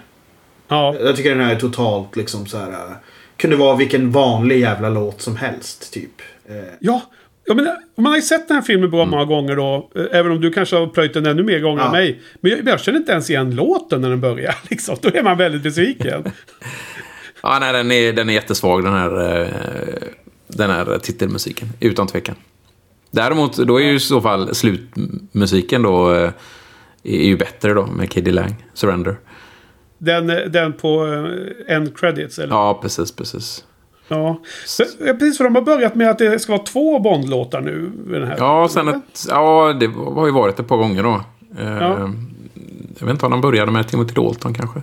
Det var där de började. Eh, ja, jag, min, jag minns det från License to Kill. Jag vet inte om det var på Mm, Living ja, det, det Daylights. funderar på om även eh, jag, eh, Living Daylights hade det också. Men, och Goldeneye hade det också. Ja, precis. För vi diskuterade mycket när vi jämförde um, License to Kill-låten var det väl va? Mm. Men eh, så det är intressant om man börjat med det. Men om eh, man, man tar sådana här eh, samlingsalbum med Bond-låtarna. Då är det ju, den, det är ju en låt per, per film då. Som Ja, ändå precis. är liksom nummer ett då. Den stora. Precis. Ja, eh, musiken i övrigt då. Var Ja. något du, du ville lyfta på? Ja, men det vill jag verkligen. För, för ehm, ehm, John Barry är ju den som, som har skrivit nästan allting hittills. Eh, med några få undantag. Och eh, han, eh, han, ville, ju- han gick med, med på att skriva den till den här filmen också. Men han ville göra titelmusiken och MGM vägrade. Eh, på grund av att eh, Bono och The Edge gjorde en så bra låt i förra då. Blev ju väldigt populära. Eh, Så då sket, eh, då gick eh, John Barry ut, ut från Bond-serien, kan jag ju säga. Han, han kommer inte tillbaka. Ah. Men detta gav då tillfälle till David Arnold, som är en av mina favoriter. Han, han är en stor John Barry-fan och han hade innan den här, han har gjort några filmer, men han hade även gjort en coveralbum på... Han låt, han lät eh, nya... Eh, nya sångare och, och band och sånt spela in gamla Bondlåtar. Så han producerade dem då. Så det blir som en coverskiva som heter Shaken and Stirred. Eh, och den här rekommenderar jag verkligen, den här eh, skivan. Eh, den har många bra... Eh, många, det, är som, det är ju en samlingsplatta liksom, så det är mycket upp och ner så. Men, eh, men eh, den har en hel del riktigt Det bra är moderna band då, eller som man kan känna igen. grejer. 97 då, ja, absolut. Det är ju Pulp och det är ju eh, ja, alla möjliga liksom. Ehm, den jag gillar är ju, är ju framför allt då, men det är kanske på grund av att jag gillar lite mer elektronisk musik. Men det är ju, Propellerhead gör en jättebra version av eh, On Her Majesty's Secret Service. Eh, jag tycker den är, alltså den här, om ni, om ni minns a den. wonder, wonderful Nej. life. Nej, utan, utan, den här som är in, på titel... Instrumentala. Den instrumentala, ja. Så den är ju instrumental den också. Den är jättebra. Sen gör ju faktiskt Iggy Pop gör ju en... Hans raspiga röst sjunger just den här eh, We have all the time in the world också väldigt bra. Eh, Så det, mm, den kan jag rek- rekommendera. Så han, han fick ju då tillfället att göra soundtracket till den här filmen. Eh, Och han gör även den här Surrender då, sista låten. Ehm, och eh, han gör väl nu fem filmer i rad tror jag. Bond, Okej. Bond-filmer i rad. Sen efter det så, så tar regissörerna in sina egna eh, kompositörer. Då, då, då får han inte göra mer. Men... ehm, mm. Nej, så att, eh, den kan jag rekommendera. Shaken and Stirred av David Ja. Arnold. Det, det är bra, Värd en. Sj- Själva scoren är inget, ingenting som jag, jag tänkte på. Utan det var snarare så jättebra. att... Jaha, Eh, okej. Speciellt i Hamburg-scenerna där. Eh, Jo. det är mer- Ja, men precis. Samtidigt så blev man besviken då när man hör att du gillar den men att man inte ens tänkte på den. Så att det, det är ju inte... Nej, alltså jag, jag, det, det har inte slagit igenom hos mig. Eh, Biljakten i garaget har, eh, tycker jag, en ganska bra eh, soundtrack. Joel? Eh, alltså jag, jag vet inte. Det, det kanske är en, mer en mixning och klippningsfråga. Men alltså jag stör mig nu på det här att de uppenbarligen inte använder liksom Bond-temat rätt och såna här grejer. Alltså det, dels att det överanvänds och att Ja. själva den här grejen kommer vid fel tillfälle. Alltså jag bara känner så här, vad Ja. fan, ska komma tre sekunder tidigare eller två sekunder tidigare? Det är bara så här små detaljgrejer liksom. Ja, jag håller helt med. Det har ju ingenting med kompositörer att göra, men Nej, jag håller nej. helt Nej. med. Och det har vi pratat om senast filmerna, de överar, överarbetar det här temat Ja. liksom. Eh, De överanvänder det ja. Och Ja. Nu, eftersom ni, ni har lyft det så mycket och jag hade inte tänkt på det aktivt själv så la jag mig märke till det jättetydligt i den här filmen. Att Mm. Det kommer ju hela tiden nu. Det, det här. Bond-temat. Och det, det, det var väl eh, en Hennes Majestäts Hemliga Tjänst när det liksom introduceras typ... När det var bara typ kort tid kvar i hela filmen. När, när Bond glider på isen. Och det är ju riktigt sent. Det är ju den här slutfighten ju. Mm, för tusan, liksom. Och då har man verkligen suttit och väntat på den. Om man Ja men det blir ju en alltså- sån skön känsla för det är som att så här. Okej, nu, är han- nu har vi accepterat honom som Bond liksom. Alltså det blir en sån här mental grej där som är... Och nu, nu är det så här, nu kommer det liksom fem minuter in. Det kommer så här var femte precis. minut liksom. Ja, den, Exakt, alltså, det det, det var väl samma sak i Goldeneye. ofta tror jag. och Den kom, fel. eh, Ja. Precis, den kom väldigt tidigt liksom. Ja. Jag gillar inte Och, och, och jag håller också, jag måste bara ge stöd till det du sa där Joel, att det också är som felklipps liksom. Det kommer inte på ett mäktigt ställe utan det bara används liksom eh, för tidigt känns det som i flera scener. Ehm, ja okej, nej men då, då har vi belyst den biten. Men nu känner jag ett stort hål i mig. Ett stort, ett stort vakuum, ett stort mörker. Det känns oro, oroligt och, och otryggt. Jag vänder mig Ja. till Patrik. Vi måste Kan det, fylla kan det detta. vara Michael J. Wilson-spottingen här? Ja, Ja, Det, det är nästan så att vi behöver en vignett till det här segmentet. Ja, kan du, kompostera Ja. Joel? Ja. Nej, i det här, i den här filmen får han faktiskt både tal och eh, bildroll, så att säga. Han är med både bild och får tala. Han är ju en av, en av eh, Carvers mediachefer där, eh, Mr. Wallace. Han, han pratar med honom lite grann där. Är det den här stora första festen alltså? Den, Nej. och, Nej, utan han har massa tv-skärmar framför sig och pratar med sina Ja. chefer. Och han ska utpressa någon eh, och sen ska han släppa videon ändå. Liksom, och inspiring, liksom, eller vad han säger. Ja. Är det Mm. Wilson som då han har den dialogen med? Han sitter på skärmen då, ja, Om precis. amerikanska presidenten? Ja, jag har okej. för mig det var... Eller vad var, var han nu- Ja, precis. Den. Ja. Mm. Ja. Så det gillar vi. ja, det är inget jag la märke till ändå. Men det är skönt att få fyllt i denna eh, lucka av knowledge. Ja, precis. precis. Det, det är därför du är oraklet och inte jag, Patrik. Ja, precis. Orakel Mm. av oviktiga saker. ja. Joel, har du några nå deep dive att eh, lyfta för oss? Alltså det, det som jag har kvar som jag skulle vilja ta upp, ta, ta upp bara det är ju den här... um, Alltså och, Henke är du kvar eller? Ja då. Okej, för ditt ljud hackar lite. Ehm, vad heter det? um, Alltså det här när de blir jagade av helikoptern i slutet. Mm. När den kör Ja, just det. Motorcykeln. Det har vi ju glömt. Ja, Ja. ja det, precis den scenen ska vi absolut prata om. Men, men jag tänker den delen när helikoptern kör bakom dem och kör liksom rotorbladen i marken. Och plöjer fram liksom. Mot Känns inte, det, känns inte det fullt naturligt? Ja, det kän- känns ri- riktigt så här diskbanks-action, eller hur? ah, det, det är hemskt. Det, är hemskt. Alltså det kan nog vara det moment utav de filmer som vi har sett nu. Det jag har känt mig mest verklighetsfrånvänd. Att säga okej, det här finns inte på kartan överhuvudtaget. Liksom. Nej. Ja, det, vänta, väntar du Joel till Die Another Day? Ja, Jo. där har vi ju en scen. Men som, som Joel säger, fram till nu liksom. Ja. Och det är ju inte så jätteverkliga grejer alltid i Bondfilmerna. Men här är verkligen... Nej, det är fruktansvärt Med, eh, dåligt. Jag vet Med grisar som åker i, i gasledningar med vinklar och grejer. Ja. eh, nej men det, visst är det helt hysteriskt. Men jag, jag, jag, eh, dels gör de det först när de jagar folk. Och sen gör de också när Bond glider under Ja. rotorbladen med motorcykeln. Båda de fallen så vet man ju inte riktigt hur nära är rotorbladen till marken egentligen. Och, ah, det, det, ja, det, dels är det ju bara overkligt men det är också otydligt. Liksom. Så det blir ingen wow-känsla. Det är väl det som är problemet kanske. Alltså jag för mig att man ser lite debris, gör man inte det? Ja, I och för sig, det kan ju ha med... Ja, nej, men det är ju från sidan tror jag. De åker ju in i sådana här eh, stånd som sticker ut i gatan som är på en, eh, två meters höjd och så. Men, men vad, jag, vad jag tänkte på när de åkte med motorcykeln upp och ner över tak och på broar och allt möjligt. Det är att Att jag tänker att den där scenen är faktiskt ganska likt så som de ville först ha gjort Roger Moore-scenen i Venedig. Som sen Ja, blev en, eh, en, eh, en fight, eller en, en race med gondoler istället. Just det. Eh, vilken film är vi i nu då? Moonraker. Moonraker. Moonraker, ja. Då, då såg jag ju på extra materialet i den filmen att man egentligen hade tänkt ha motorcyklar över alla broarna men att de inte fick tillstånd att göra det. Och så tänker jag att nu har man liksom plockat upp den idén igen och fått genomföra För det gör de ju ofta.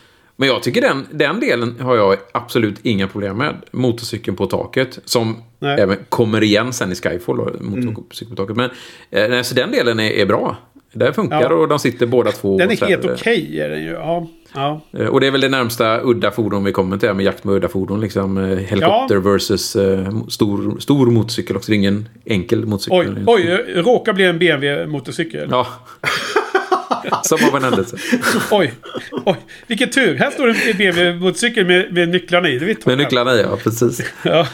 ja, just Ja men alltså det, Okej. det är ju intressant koreografi där med, eh, med att de är handklovade också. Att de behöver skifta ställning och sådär. Så att det, det Mm. Känns väldigt mycket Hongkong-action faktiskt. Eh, över Ja, delen. ja, det kan jag tänka mig i och för sig. Det känns, när du säger det så känns det som en fördom om det. Men, men eh, det, det är, den är lite för lång bara. Men annars tycker jag att den är liksom helt okej. Eh, återigen, en perfekt så här söndagsfilm innan jobbveckan ska börja. När man behöver varva ner lite.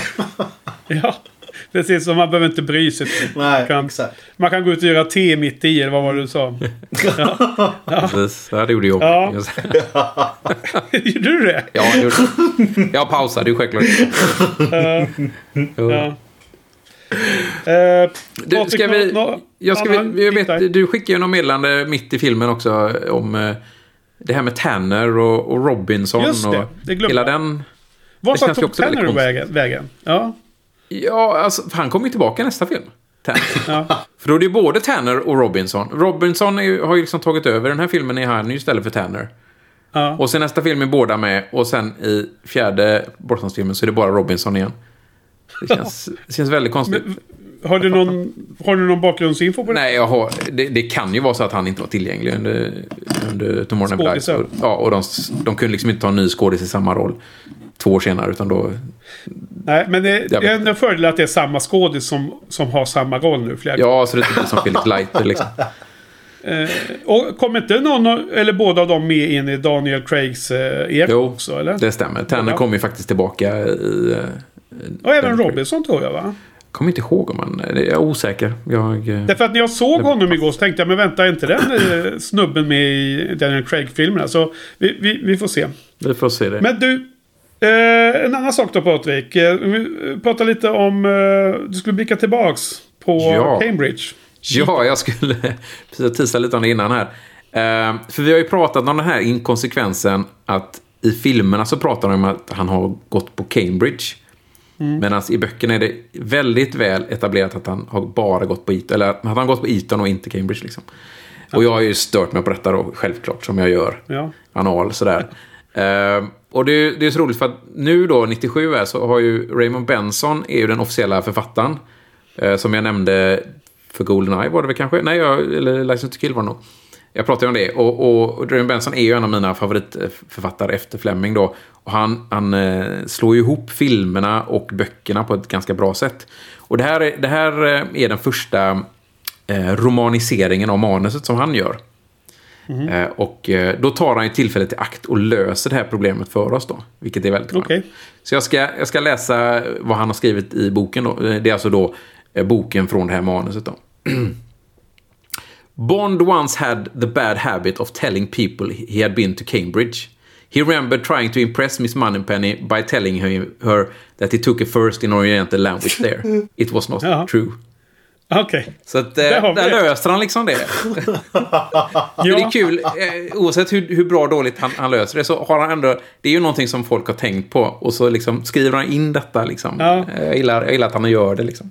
Ja, absolut, och det, du hyllade ju, när du gick igenom eh, post Fleming-böckerna så hyllade du just den här författaren för att han vävde in filmvärlden lite också ju. Mm. Du. Men det är också det är intressant där att när, när Bond, när han var så ung där innan han blev 00, att han, han hade ju mycket mer personlig osäkerhet i sig. Han var ju mycket mer oerfaren. Ja, det märker man på din tv-serie där. Nej, jag, jag refererar till min tv-serie nu. Ja, jag när, han då, när han träffar Miss Moneypenny i den här crossovern som vi älskar så mycket att de gjorde det då.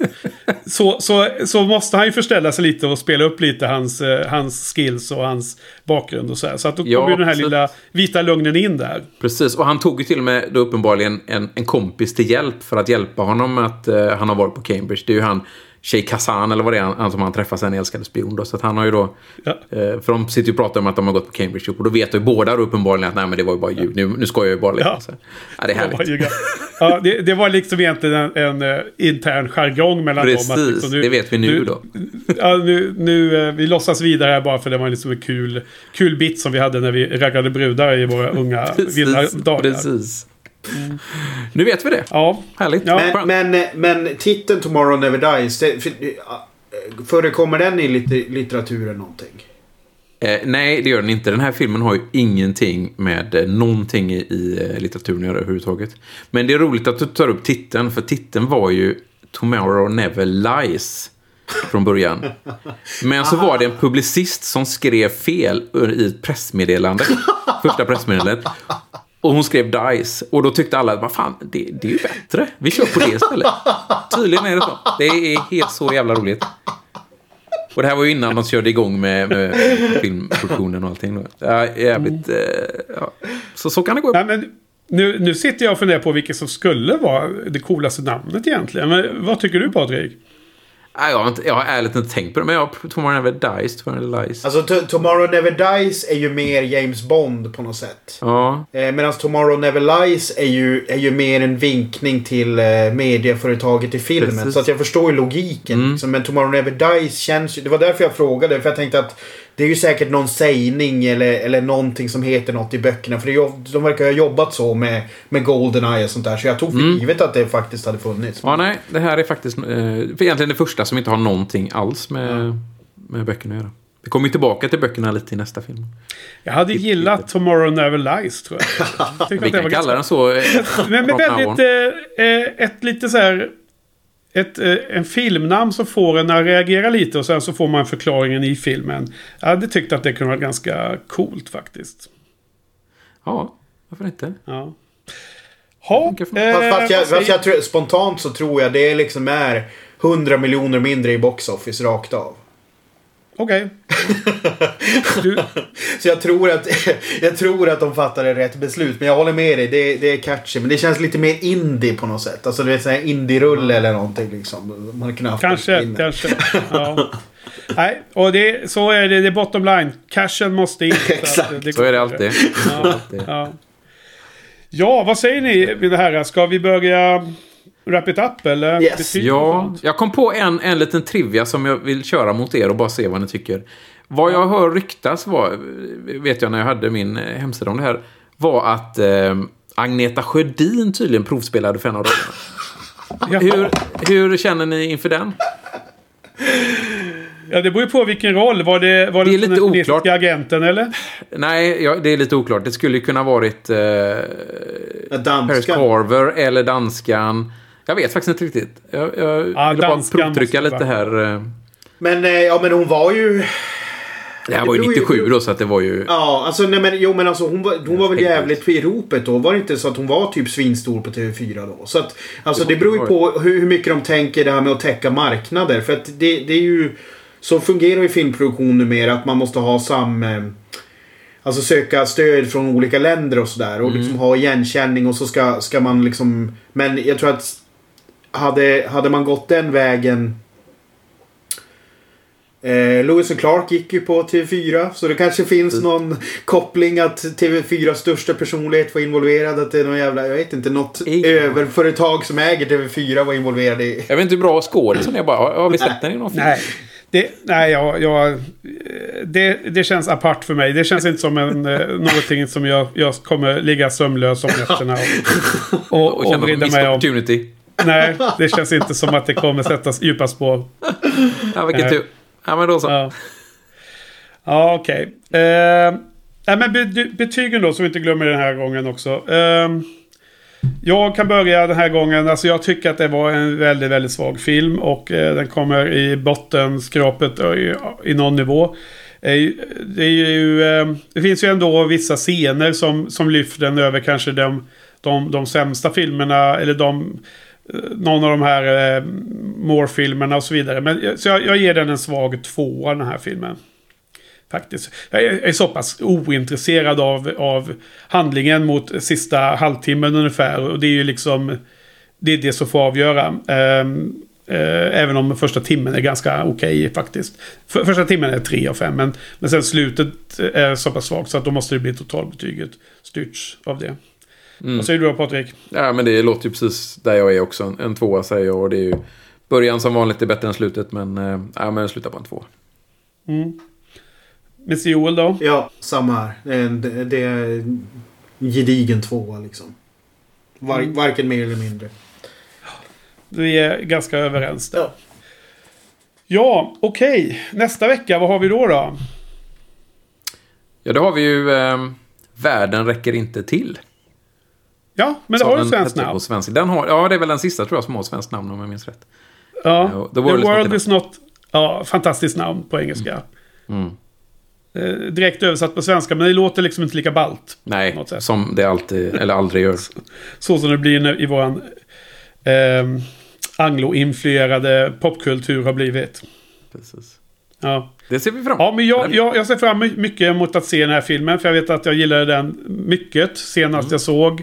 Och jag vet att den efterföljande är, eh, kommer man se med en viss annan inställning. Så att eh, det blir, blir liksom högt och lågt här de närmaste veckorna. Mm. Det är ju jättepassande att se den i juletid också. Eh, jaha. Jo, det, att- det har vi, vi har haft det skämtet förut, Henrik. Du har dragit Ja, det ja, här ja. med jul. ja, ja. Just det! Dr. Christmas. Fan. Ja, det blir Jag perfekt att spela Det är in. bara för att vi har poddat eh, i en och en halv timme. Då börjar man bli seg i huvudet. Sorry, sorry gubbar. Spelar in den vid Nu har vi julafton. ja. Nu har vi den stora, men, stora, stora diskussionspunkten ja. Stora... ja. ehm, hur, hur, eh, hur stor eh, påverkan på filmen överlag får en karaktär ha? Just det. Ja. Men, då, men då blir det ju så eftersom vi spelar in den vid jul och sen så sänds den ju i januari. Då, då kommer ju jul två gånger. Det blir jättebra. Christmas came twice. Ja, ja precis. Ja, men med det ordet eh, och den eh, mogna, eh, mogna och vuxna skämtet från Patrik så, så säger vi tack för idag. Tack Joel, tack Patrik. Tack, tack. Tack till publiken. På återhörande om en vecka. Hej, hej. Hej hej. Hej.